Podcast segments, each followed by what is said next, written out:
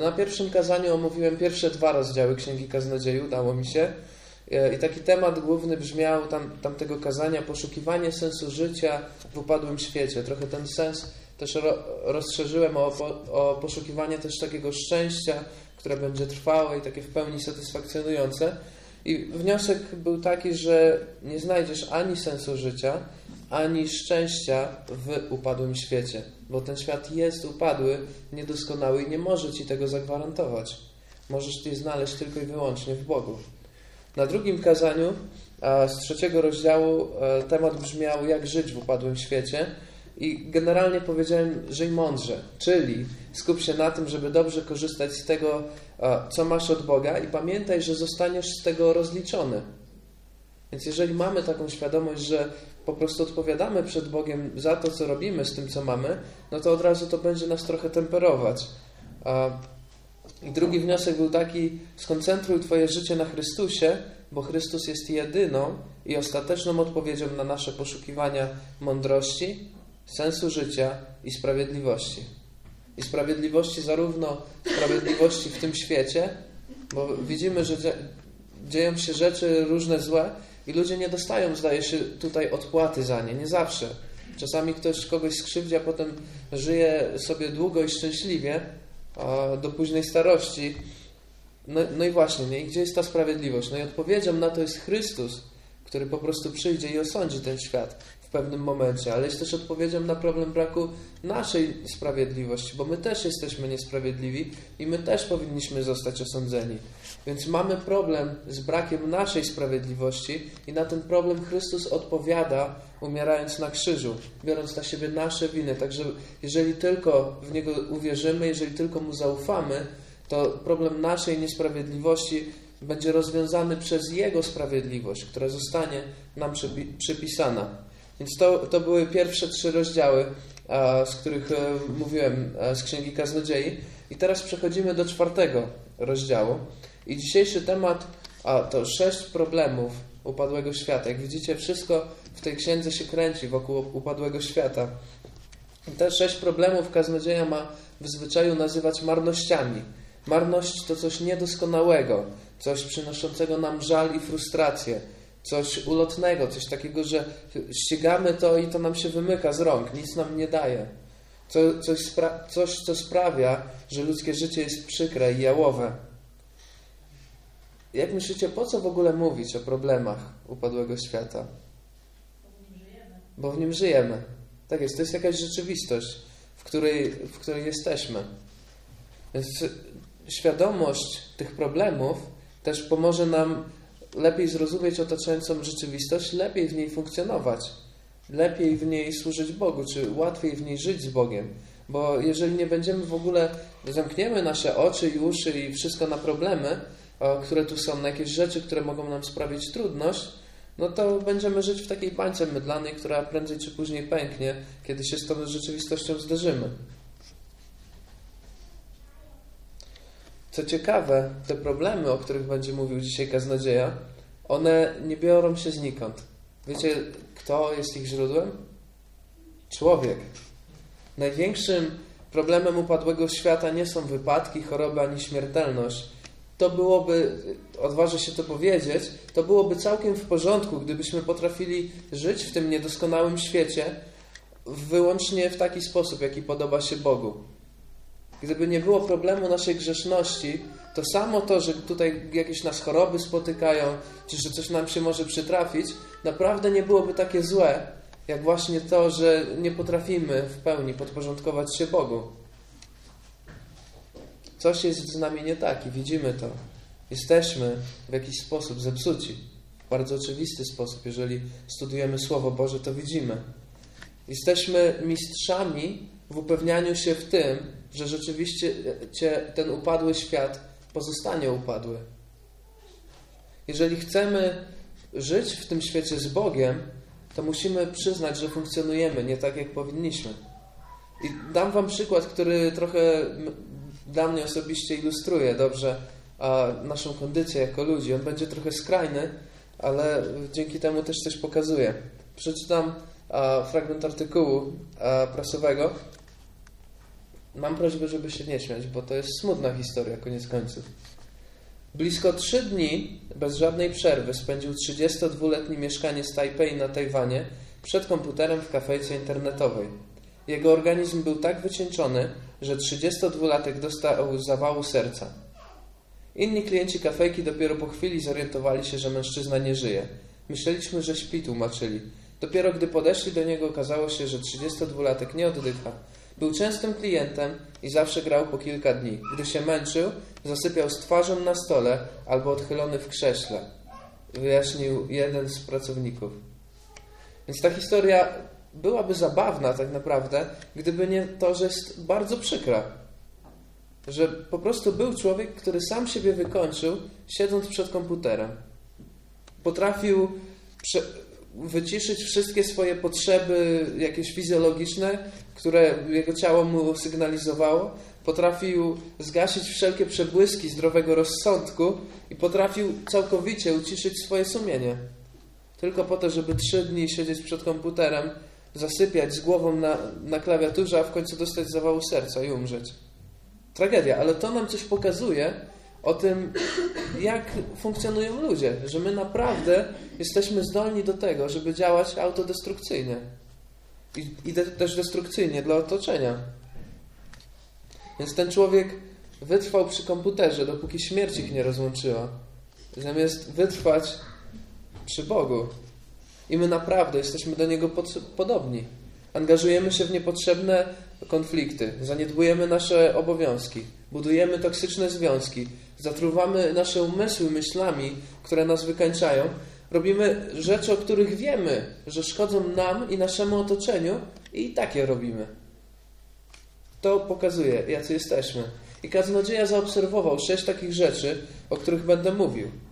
Więc te rzeczy mogą albo nam się zdarzyć, albo możemy ich doświadczyć ze strony innych ludzi.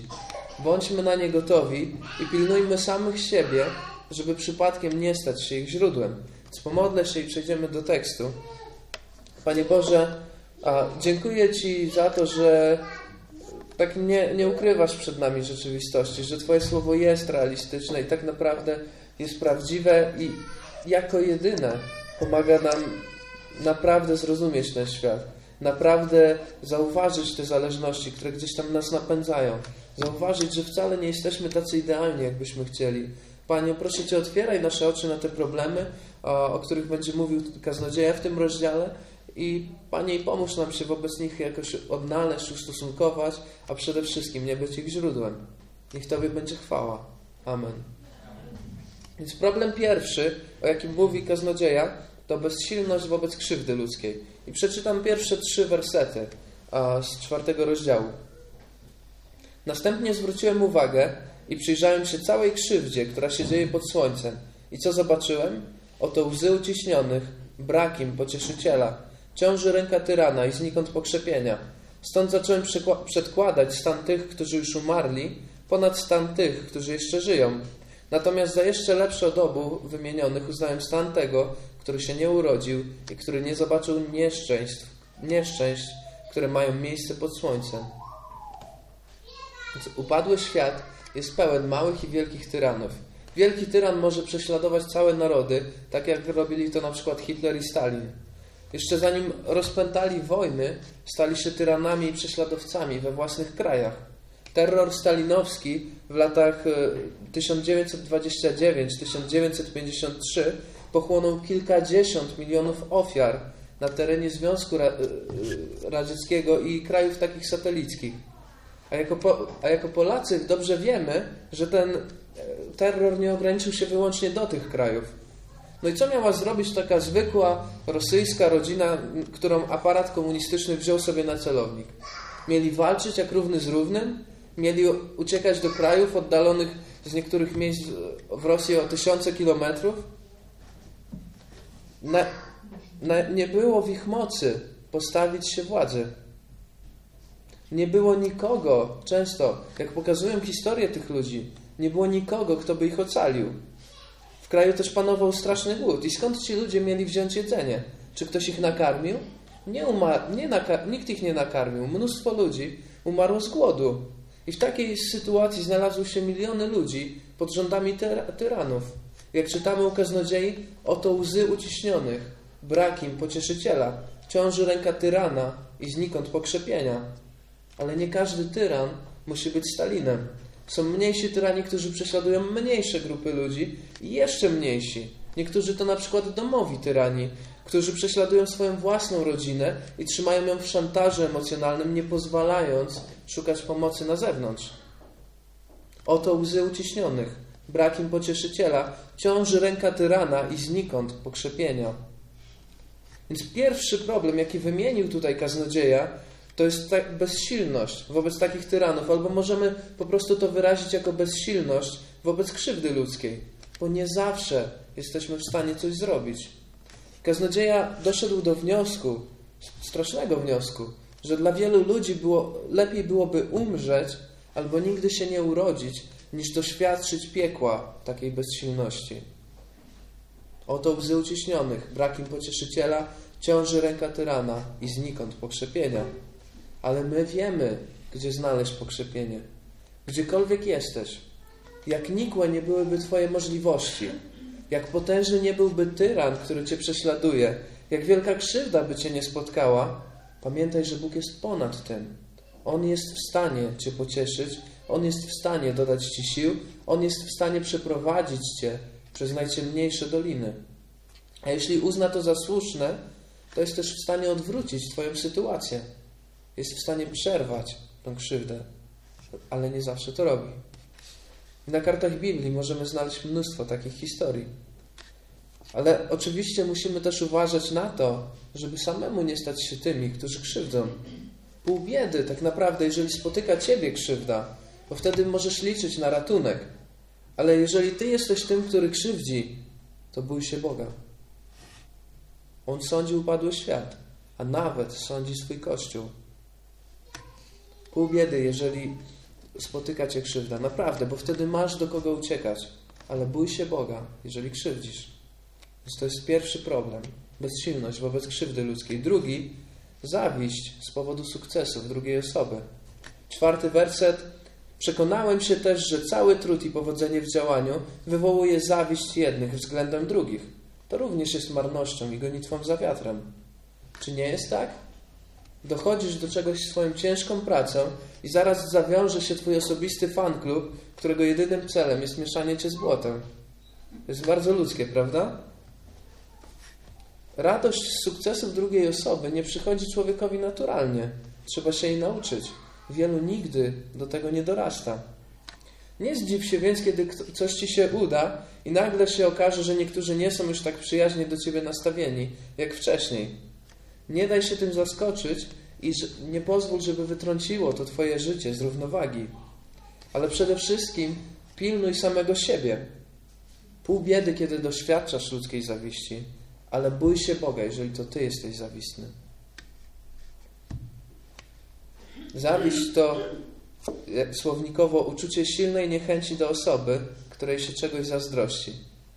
Więc kiedy jesteśmy zawistni? Kiedy jesteśmy zazdrośni kiedy ktoś ma coś, co sami chcielibyśmy mieć. Przynajmniej w jednej doskwierającej nam kwestii chcielibyśmy być na miejscu tego człowieka. I wzbudza w nas to niechęć do niego. Bo nie jesteśmy tam, nie mamy tego, a on jest. Czujemy się, jakby nam to zabrał. Bo on ma, a my nie. Czy tak to powinno wyglądać? Czy taka postawa nie jest zaprzeczeniem miłości? Czy nie pokazuje w ten sposób, że kocham siebie, a nienawidzę bliźniego, któremu się powodzi? A co w ten sposób komunikuje Bogu? Panie, jestem niezadowolony z tego, jak rozdzielasz swoje błogosławieństwa. Nie, nie jestem usatysfakcjonowany z tych błogosławieństw, które mi dałeś. Coś ci się chyba pomyliło. Panie, uważam, że jestem lepszy niż on i bardziej na to zasługuję. Uważam, że on jest gorszy, nie warty tego, co mu dajesz. Czy ty nie widzisz tego? Czy kochasz mnie mniej niż tamtego? To komunikujemy Bogu, będąc zazdrosnymi i zawistnymi. Co jeszcze? Co jeszcze komunikuje Bogu, będąc takim? Panie, jestem rozkapryszonym, niedojrzałym i niewdzięcznym egocentrykiem i oczekuję, że świat będzie się kręcił wokół mnie. Bój się Boga, jeżeli czyjś sukces wzbudza w tobie zawiść. To był drugi problem. Zawiść z powodu czyjegoś sukcesu. Trzeci problem, o którym mówi kaznodzieja, to lenistwo. Piąty werset i szósty czytamy Głupiec zakłada ręce i wyniszcza sam siebie. Lepsza garść spokoju niż dwie garście trudu i gonitwy za wiatrem. Cechą głupca jest to, że zakłada ręce i nic nie robi. Ten sposób wyniszcza sam siebie. Czasami aż przykro na to patrzeć. Leniwy człowiek to ktoś, kto wyżej ceni bierność niż aktywność. Woli spać niż pracować, woli leżeć niż zrobić zakupy, woli siedzieć przed komputerem niż odrobić lekcje, woli gapić się w ścianę niż pójść i wynieść śmieci. Woli udawać, że nie słyszy, niż pomóc komuś, kto tego potrzebuje. Woli założyć ręce i czekać nie wiadomo na co, niż tu i teraz wziąć za siebie odpowiedzialność i za to, w jakiej kondycji jest jego życie. Dobrze ilustrują to słowa piosenki elektrycznych gitar. Przewróciło się, niech leży. Cały luksus polega na tym, że nie muszę go podnosić. Będę się potykał czasem, będę się czasem potykał, ale nie muszę sprzątać. Ta, ta piosenka naprawdę dobrze ilustruje lenistwo. I taka postawa jest destrukcyjna. Leniwy człowiek rujnuje swoje życie i swoją produktywność. Bezmyślnie marnuje czas i potencjał, który otrzymał w darze od Boga, po to, żeby ich używał dobrze. Zamiast obrać jakiś kierunek, skupia się jedynie na tym, żeby reagować na to, co go spotyka i jak najszybciej wrócić do wymarzonego stanu świętego spokoju. W ten sposób nie tylko wyniszcza siebie, ale też wpływa na innych. Leniwy współpracownik, leniwy mąż, żona, rodzic, dziecko to wszystko nie brzmi zbyt dobrze, prawda? Każdy z nich może stać się czyjąś prywatną zmorą. Pół biedy, jeżeli ktoś jest dla ciebie taką zmorą, ale bój się Boga, jeżeli sam się nią stajesz. I prawda jest taka, że będziemy zmagać się z naszym własnym lenistwem. Ono jest w nas bardzo głęboko zakorzenione. Powinienem coś zrobić, ale mi się nie chce. Nie zrobię tego, bo nie. Jestem w stanie to zrobić. Mam możliwości, siły i środki. To powinno być zrobione, ale nie chce mi się. Co za bezsensowny powód. Jakby się tak nad tym, nad tym zastanowić, jaki jest sens tego argumentu. Nie zrobię czegoś, bo nie. Albo nie zrobię czegoś, bo mi się nie chce. Pozwalaj sobie na lenistwo, hoduj w sobie lenia, a zaraz ten leń przejmie nad tobą kontrolę. I chwilowo może ci się to wydawać przyjemne, ale z czasem zobaczysz, jak kolejne sfery twojego życia stają się coraz bardziej zaniedbane. Przypowieści 6, 6 do 11 Udaj się leniu do mrówki, zobacz jak żyje i zmądrzej. Nie ma ona wodza, nadzorcy ani władcy, lecz już latem odkłada żywność i w czasie żniwa gromadzi zapasy. Jak długo, leniu, będziesz polegiwał? Kiedy wreszcie podniesiesz się ze snu? Trochę pospać, chwilę podrzemać, założyć rękę, odpocząć nieco. Ubóstwo zaskoczyć jak włóczęga, a niedostatek jak złodziej uzbrojony. Ale mówiąc o lenistwie, kaznodzieja dodaje też bardzo ważną obserwację. Lepsza garść spokoju niż dwie garście trudu i gonitwy za wiatrem. I ta obserwacja pomaga nam zrozumieć, że odpowiedzią na lenistwo nie jest pracoholizm. Nie, nie bądź leniem, ale też nie goń za wiatrem. Musisz znaleźć się między jednym a drugim. Pracuj na swoje potrzeby, ale tak, żeby ta praca nie zmieniła się w gonitwę, żeby nie stała się sensem Twojego życia. Nie pozwól, żeby Cię pochłonęła, bo efekt będzie niewiele lepszy, niż gdybyś nic nie robił. To był trzeci problem lenistwo. I problem czwarty samotność. Wersety 7 do 12. Następnie zauważyłem kolejną marność pod słońcem. Oto człowiek samotny, nie ma przy nim nikogo, ni syna, ni brata, ani końca trudu, ani powodu, by cieszyć się dorobkiem. Bo dla kogo się trudzę, odmawiam sobie dobrodziejstw. To też jest marnością i przykrym zajęciem. Lepiej dwóm niż jednemu, bo łatwiej im w tym trudzie. Jeśli jeden upadnie, drugi go podniesie. Nad samotnym natomiast nikt się nie pochyli. Gdy leżą dwie osoby, jedna drugą grzeje, a człowiek samotny musi liczyć na siebie. Ponadto, jeśli jednego może ktoś pokonać, dwóm łatwiej się ostać, a sznur potrójny nie tak łatwo się zerwie. I samotność to problem, z którym musi się mierzyć wiele osób. Dawanie i dzielenie się jest jedną z ludzkich potrzeb. Ale co kiedy nie masz z kim się dzielić? Co kiedy nie masz komu przekazać choćby cząstki owoców Twojej pracy? Co kiedy nie masz z kim się dzielić Twoim życiem? To dla kogo wtedy pracujesz? Dla kogo się męczysz? Dla samego siebie? Ile można? A jeżeli jestem sam, to kto mi pomoże, kiedy będę tego potrzebował? Kto mi pomoże wstać, kiedy upadnę? Kto mnie ogrzeje, kiedy będzie mi zimno? Kto pomoże mi przetrwać, kiedy będę atakowany? Lepiej jest być razem niż samemu, ale nie wszyscy mają ten luksus. I to jeden z powodów, dla których powinniśmy być niesamowicie wdzięczni Bogu za to, że dał nam Kościół. Że możemy być razem, że możemy tworzyć duchową rodzinę, która będzie siebie nawzajem kochać i wspierać. Czy to nie jest błogosławieństwo? Dbajmy o nie. Samotność jest problemem, który wydaje się być taki neutralny. No po prostu kogoś spotyka samotność. Ktoś jest samotny i tyle, tak wyszło. Ale często ktoś za to odpowiada. Albo ten samotny ktoś, albo ktoś, kto go ignoruje, albo wszyscy po trochu. Samotność to w dużej mierze stan serca.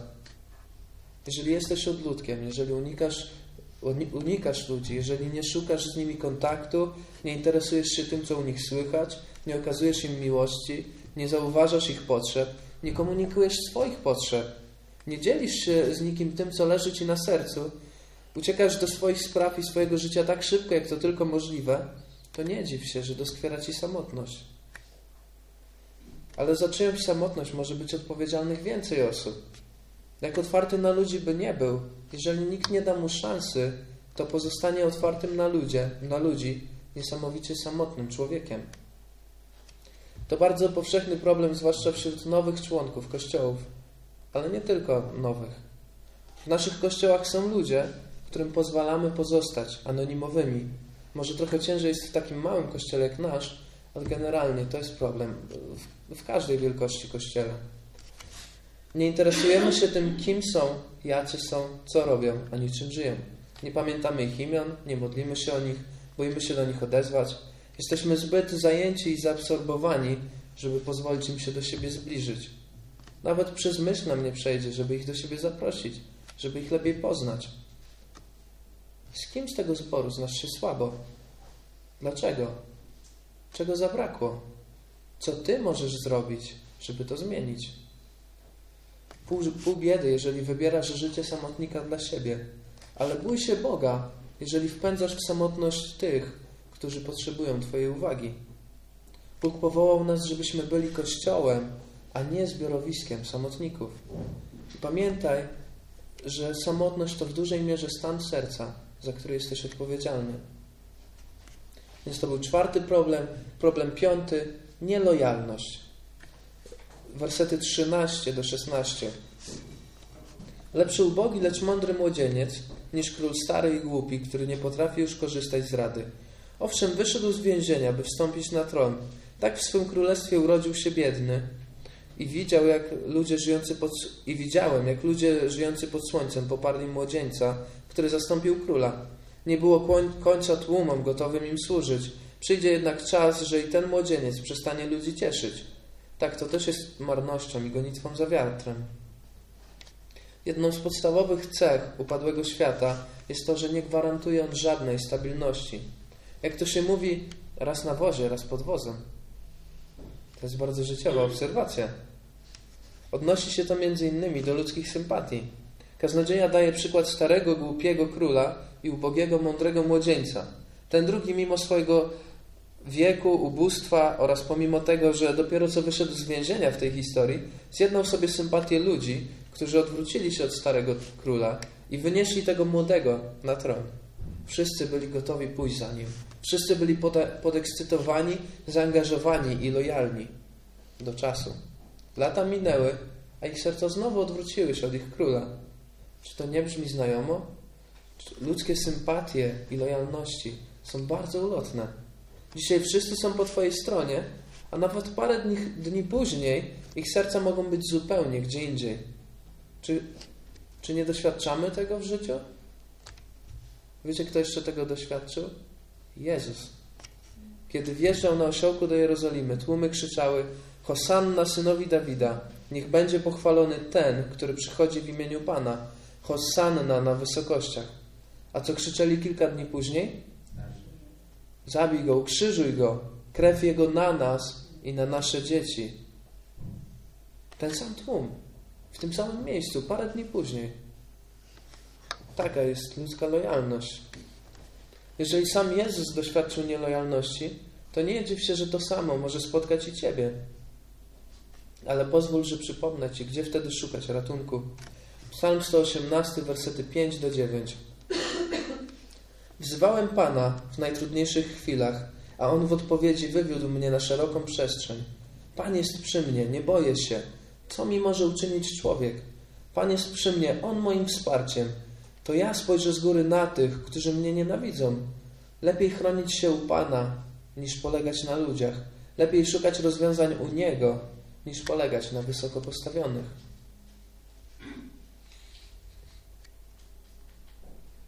On jest wierny nawet wtedy, kiedy my zawodzimy.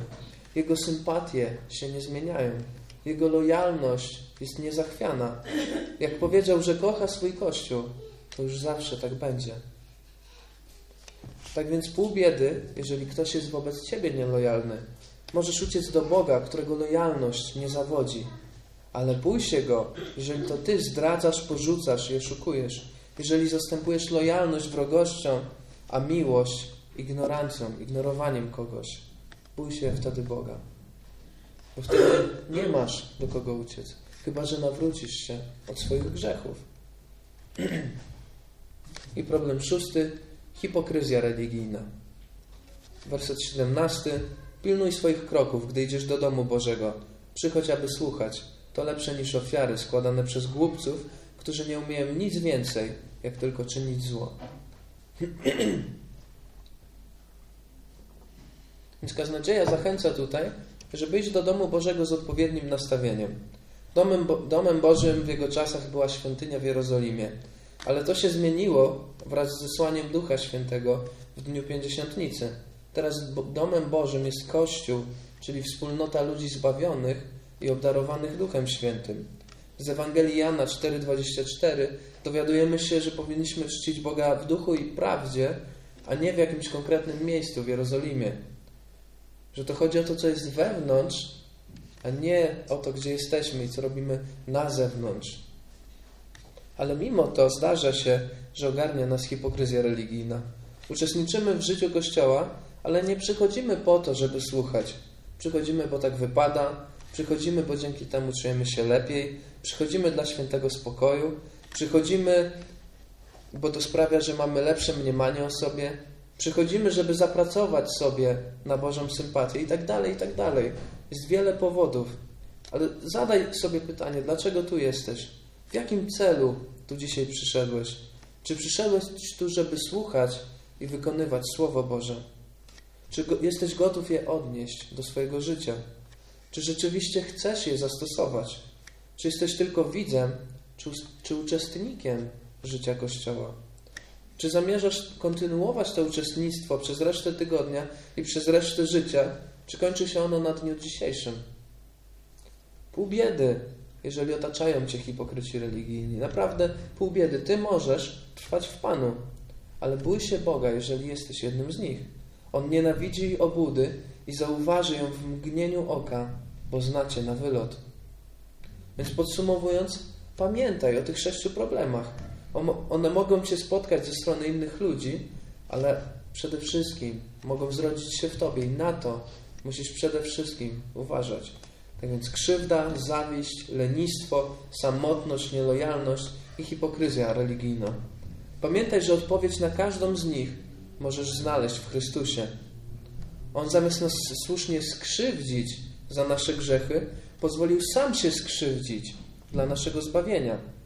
On zamiast być zawistnym wobec swoich wrogów, to wręcz modlił się o tych, którzy go ukrzyżowali. On zamiast pozostać w niebie w swojej chwale, zszedł na ziemię i co do Joty wykonał plan naszego ratunku, to samo w sobie jest zaprzeczeniem lenistwa. Większego zaprzeczenia nie, nie znajdziemy. On zamiast pozostawić nas samotnymi i opuszczonymi, pierwszy nas pokochał i pierwszy wyciągnął do nas rękę, umożliwiając nam pojednanie się z Bogiem i zostanie z Nim już na zawsze. On zamiast odpowiedzieć na braki naszej lojalności dokładnie tym samym, już na zawsze stał się naszym pasterzem, który, który nigdy nie porzuci swojego stada. On zamiast zadowolić się naszą pustą, pełną hipokryzji religijnością, zapragnął naszej duchowej przemiany i w tym celu posłał do nas Ducha Świętego, który w nas zamieszkał. On pomoże Ci trzymać swoje życie w ryzach i przetrwać, niezależnie od tego, czy Twoje największe problemy zaczynają się w Tobie, czy w Twoim otoczeniu. Ale to wszystko jest dostępne tylko i wyłącznie dla tych, którzy Mu zaufali i stali się Jego uczniami. Uczniami, którzy przestali się łudzić, że sami z siebie mogą podobać się Bogu i zamiast tego uwierzyli, że mogą być święci tylko i wyłącznie dzięki przelanej za nich krwi Chrystusa. Dzięki, tylko dzięki temu, że w pełni Mu zawierzyli. Rozumiem, że skoro tu jesteś, to w jakimś stopniu wierzysz, że Jezus jest Zbawicielem. Ale czy jest Twoim Zbawicielem? Zastanów się nad tym. To najważniejsze pytanie, jakie możesz zadać sobie w całym Twoim życiu i upewnij się, że znasz na nie odpowiedź. Pomodlę się na koniec. Dziękuję Ci, Panie, że na te wszystkie problemy, które rodzą się tak naprawdę w ludzkich sercach, które zaczynają się od ludzkiego grzechu, od buntu przeciwko Tobie, że Ty masz na nie wszystkie odpowiedź. I masz odpowiedź na te rzeczy, które nas spotykają z innych, ze strony innych ludzi, ale też masz odpowiedź na to, co dzieje się w naszych sercach. Ty potrafisz nas doprowadzić do zbawienia, Ty potrafisz nas utrzymać w świętości, Ty potrafisz pomóc nam, czy poprowadzić nas do tego, żebyśmy pokonali to, co, co, co jest w nas nie, nie w porządku wobec Ciebie. Ty potrafisz sprawić, że będziemy żyć świętym życiem i oddawać Ci chwałę i służyć Tobie i być użyteczny, użytecznymi dla Ciebie. Panie, proszę Cię, przemieniaj nasze serca, pokazuj nam prawdę o nas samych i o świecie, w którym żyjemy i pomóż w nim żyć tak, żeby służyć Tobie, oddawać Tobie chwałę i żeby inni też mogli przez nas poznawać Ciebie albo poznawać Ciebie coraz lepiej. Amen.